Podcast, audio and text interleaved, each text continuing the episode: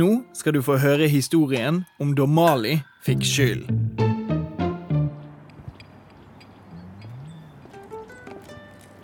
Hvis du går oppover den rolige gaten Dyrebakken, en kort sykkeltur fra det lille kjøpesenteret i bygden Dalsvik, midt på dagen på en helt vanlig mandag i starten på august, så er nesten alle som bor der, på jobb.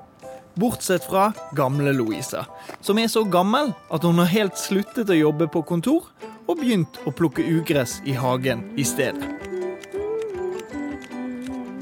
Siden alle er på jobb, skulle du kanskje tro at det var stille i gaten. Det var det absolutt ikke. For i Dyrebakken så hadde alle de hvite husene store hager, og i de store hagene sine så hadde de alle mulige typer dyr. Først kom du til familien Børli. De hadde fire store, hvite gjess. Annika, på andre siden av veien, hun jobbet på biblioteket i Dalsvik og hadde syv geiter med lang, myk pels. Og de likte å spise alt mulig. Gress, trær, papp, kjeks, bark. Ja, de spiste nesten alt. Og bæsjet og tisset masse. Ikke rart kanskje så mye som de spiste. Familien Jacobsen, som var så glad i musikk at de ofte holdt gatekonsert i hagen sin, hadde åtte høner og to haner. Hanene sto veldig tidlig opp, og noen ganger midt på natten for å gale.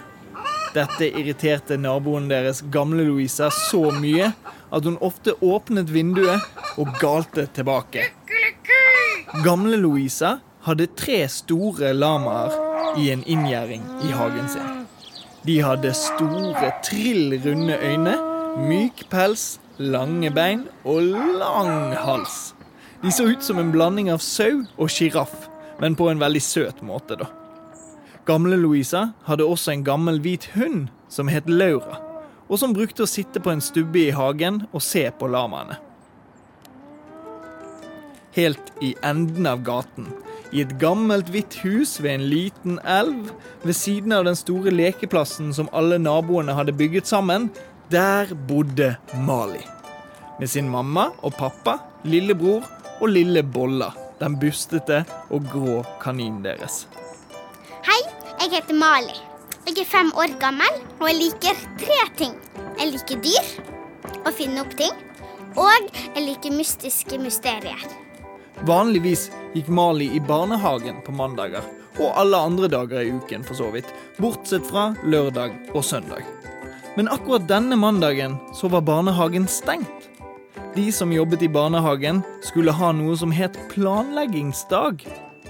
Derfor skulle gamle Louisa passe Mali hele dagen, siden mammaen og pappaen hennes måtte på jobb.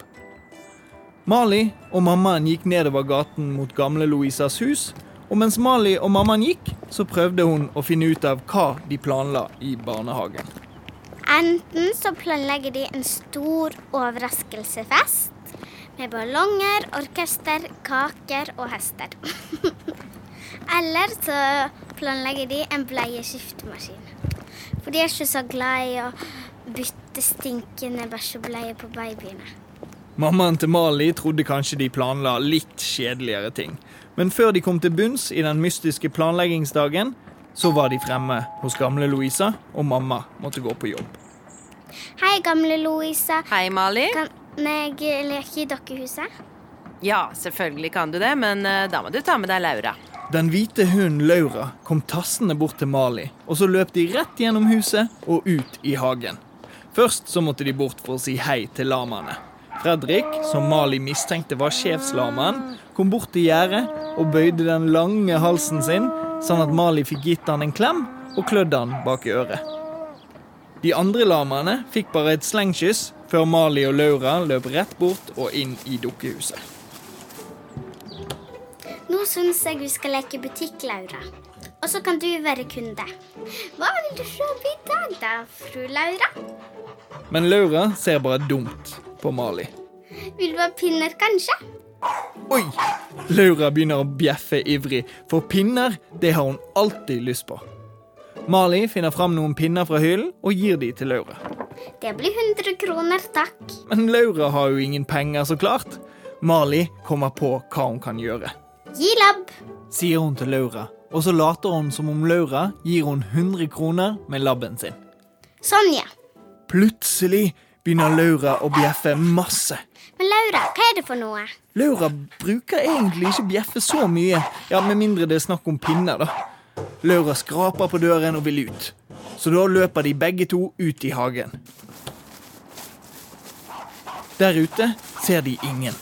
I det ene hjørnet så ligger lamaene som vanlig og sløver i inngjerdingen sin. Men der borte Oi, hva er det som har skjedd?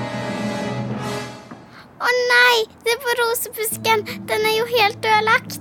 Rosebusken til gamle Louisa er noe av det kjæreste hun har. Hver dag vanner hun og gjødsler hun den, og tar så godt vare på de fine rosene. Men nå er rosebusken knekt, og det ligger blader strødd overalt.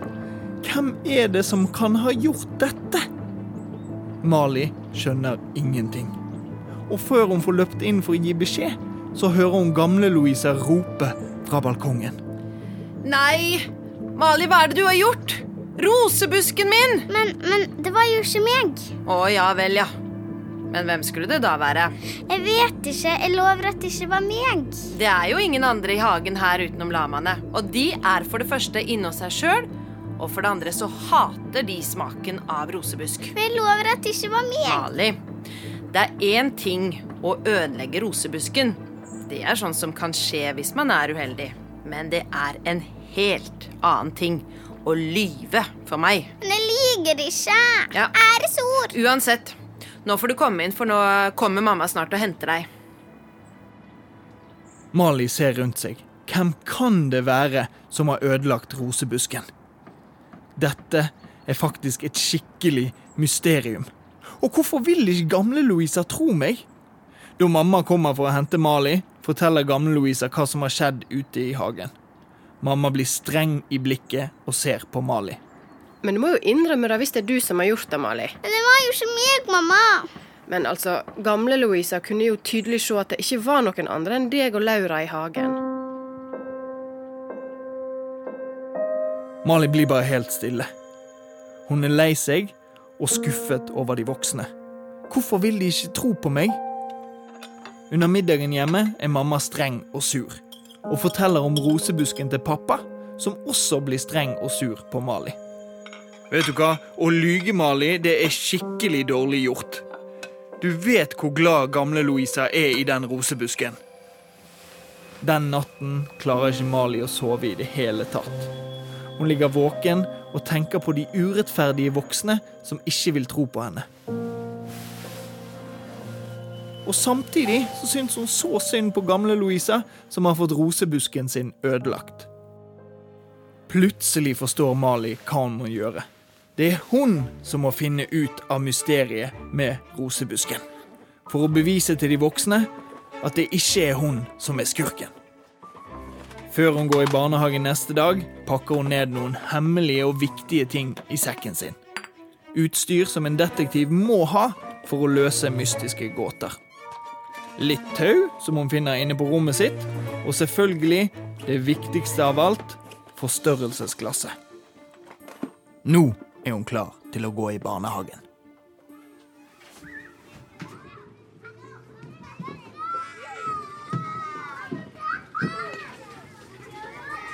Etter barnehagen er det gamle Louisa som kommer for å hente Mali.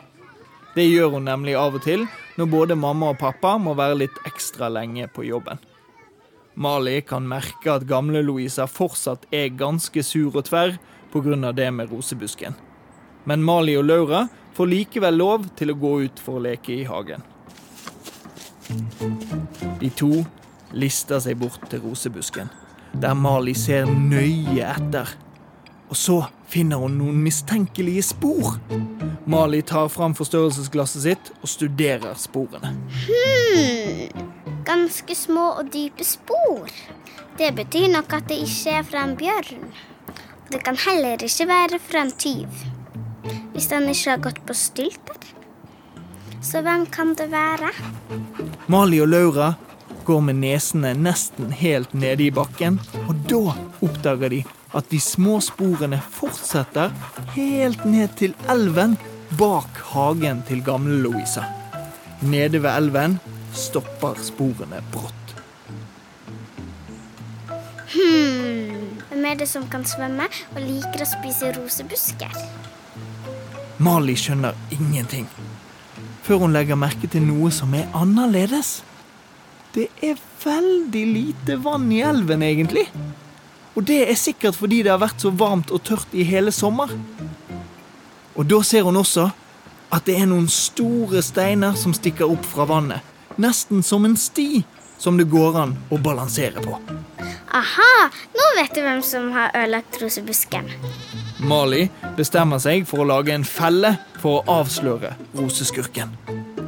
Rundt busken så fester hun tauet hun hadde med seg i sekken, og så knyter hun på masse gamle hermetikkbokser fra kjelleren til gamle Louisa. Akkurat idet er ferdig rigget til, roper gamle Louisa inne fra huset igjen. Mali må komme inn, for snart kommer mamma for å hente henne.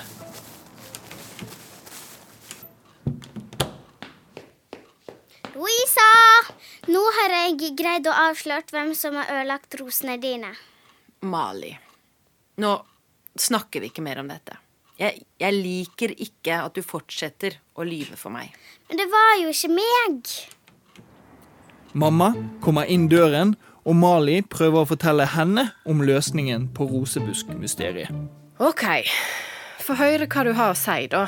Det er geitene til naboen som har ødelagt rosebusken til Louisa. Mali, nå må du gi deg. Geitene til naboen er sperra inne bak et gjerde. De geitene kommer seg ikke inn i min hage, for det gjerdet sjekker jeg daglig, og der er det ingen hull. Ingen. Men hør nå her. Jeg fant jo spor rundt rosebusken. Det var ikke bjørnespor, og det var ikke tyvespor. Det var små dyrespor som gikk helt ned til elva. OK, Mali, men du veit uansett at geiter kan ikke svømme. Det er korrekt. Men har ikke du lagt merke til hvor lite vann det er i elva? Der er det store steiner som geitene kan bruke å gå rundt gjerdet. Mamma og gamle Louisa ser fortsatt veldig skeptiske ut da de plutselig hører høye skramlelyder fra hagen. Der gikk noen i fella mi. Kom, bli med ut, så får dere se den virkelige skurken. Nei, men hva er det der? En geit? En geit som står midt i rosene og tygger fornøyd på en hel haug med roseblader. Men så fort Mali og de andre er på vei mot busken, løper geiten ned mot elven, og så hopper han fra stein til stein rundt gjerdet. Og vips, så er han trygt på plass hjemme i sin egen hage. Mamma og gamle Louisa ser veldig overrasket ut. Å nei, unnskyld, kjære Mali. Unnskyld for at vi ga deg skylden og ikke ville høre på det du hadde å si. Kan du tilgi oss? Veit du hva, Mali? Du er jammen en ordentlig mesterdetektiv, du. Mali er så stolt at hun holder på å sprekke. Og bryr seg ikke lenger om at de voksne var så urettferdige mot henne. Sammen med mamma går hun fornøyd hjem for å fortelle pappa om det store rosebuskmysteriet som hun løste i dag. Ved middagsbordet blir mamma lenge borte, mens pappa hører på Malis fortelling. Og han ler av geiten og unnskylder seg, han også, for at han ikke trodde på Mali. Da mamma kommer tilbake, har hun gjemt noe bak ryggen. Jeg har en liten presang til deg, Mali. Dette her er et helt spesielt mesterdetektivskilt som jeg har laga til deg. Det kan du ha med deg i lomma når du er ute på oppdrag. På skiltet var det bilde av et forstørrelsesglass med bokstaven til Mali, M, inni. Det var det tøffeste Mali noen gang har fått, og hun viser stolt frem skiltet til pappa. Nå gleder jeg meg bare til neste mysterium, som kan løses av mesterdetektiven Mali. Det var historien om da Mali fikk skylden og ble til mesterdetektiven Mali.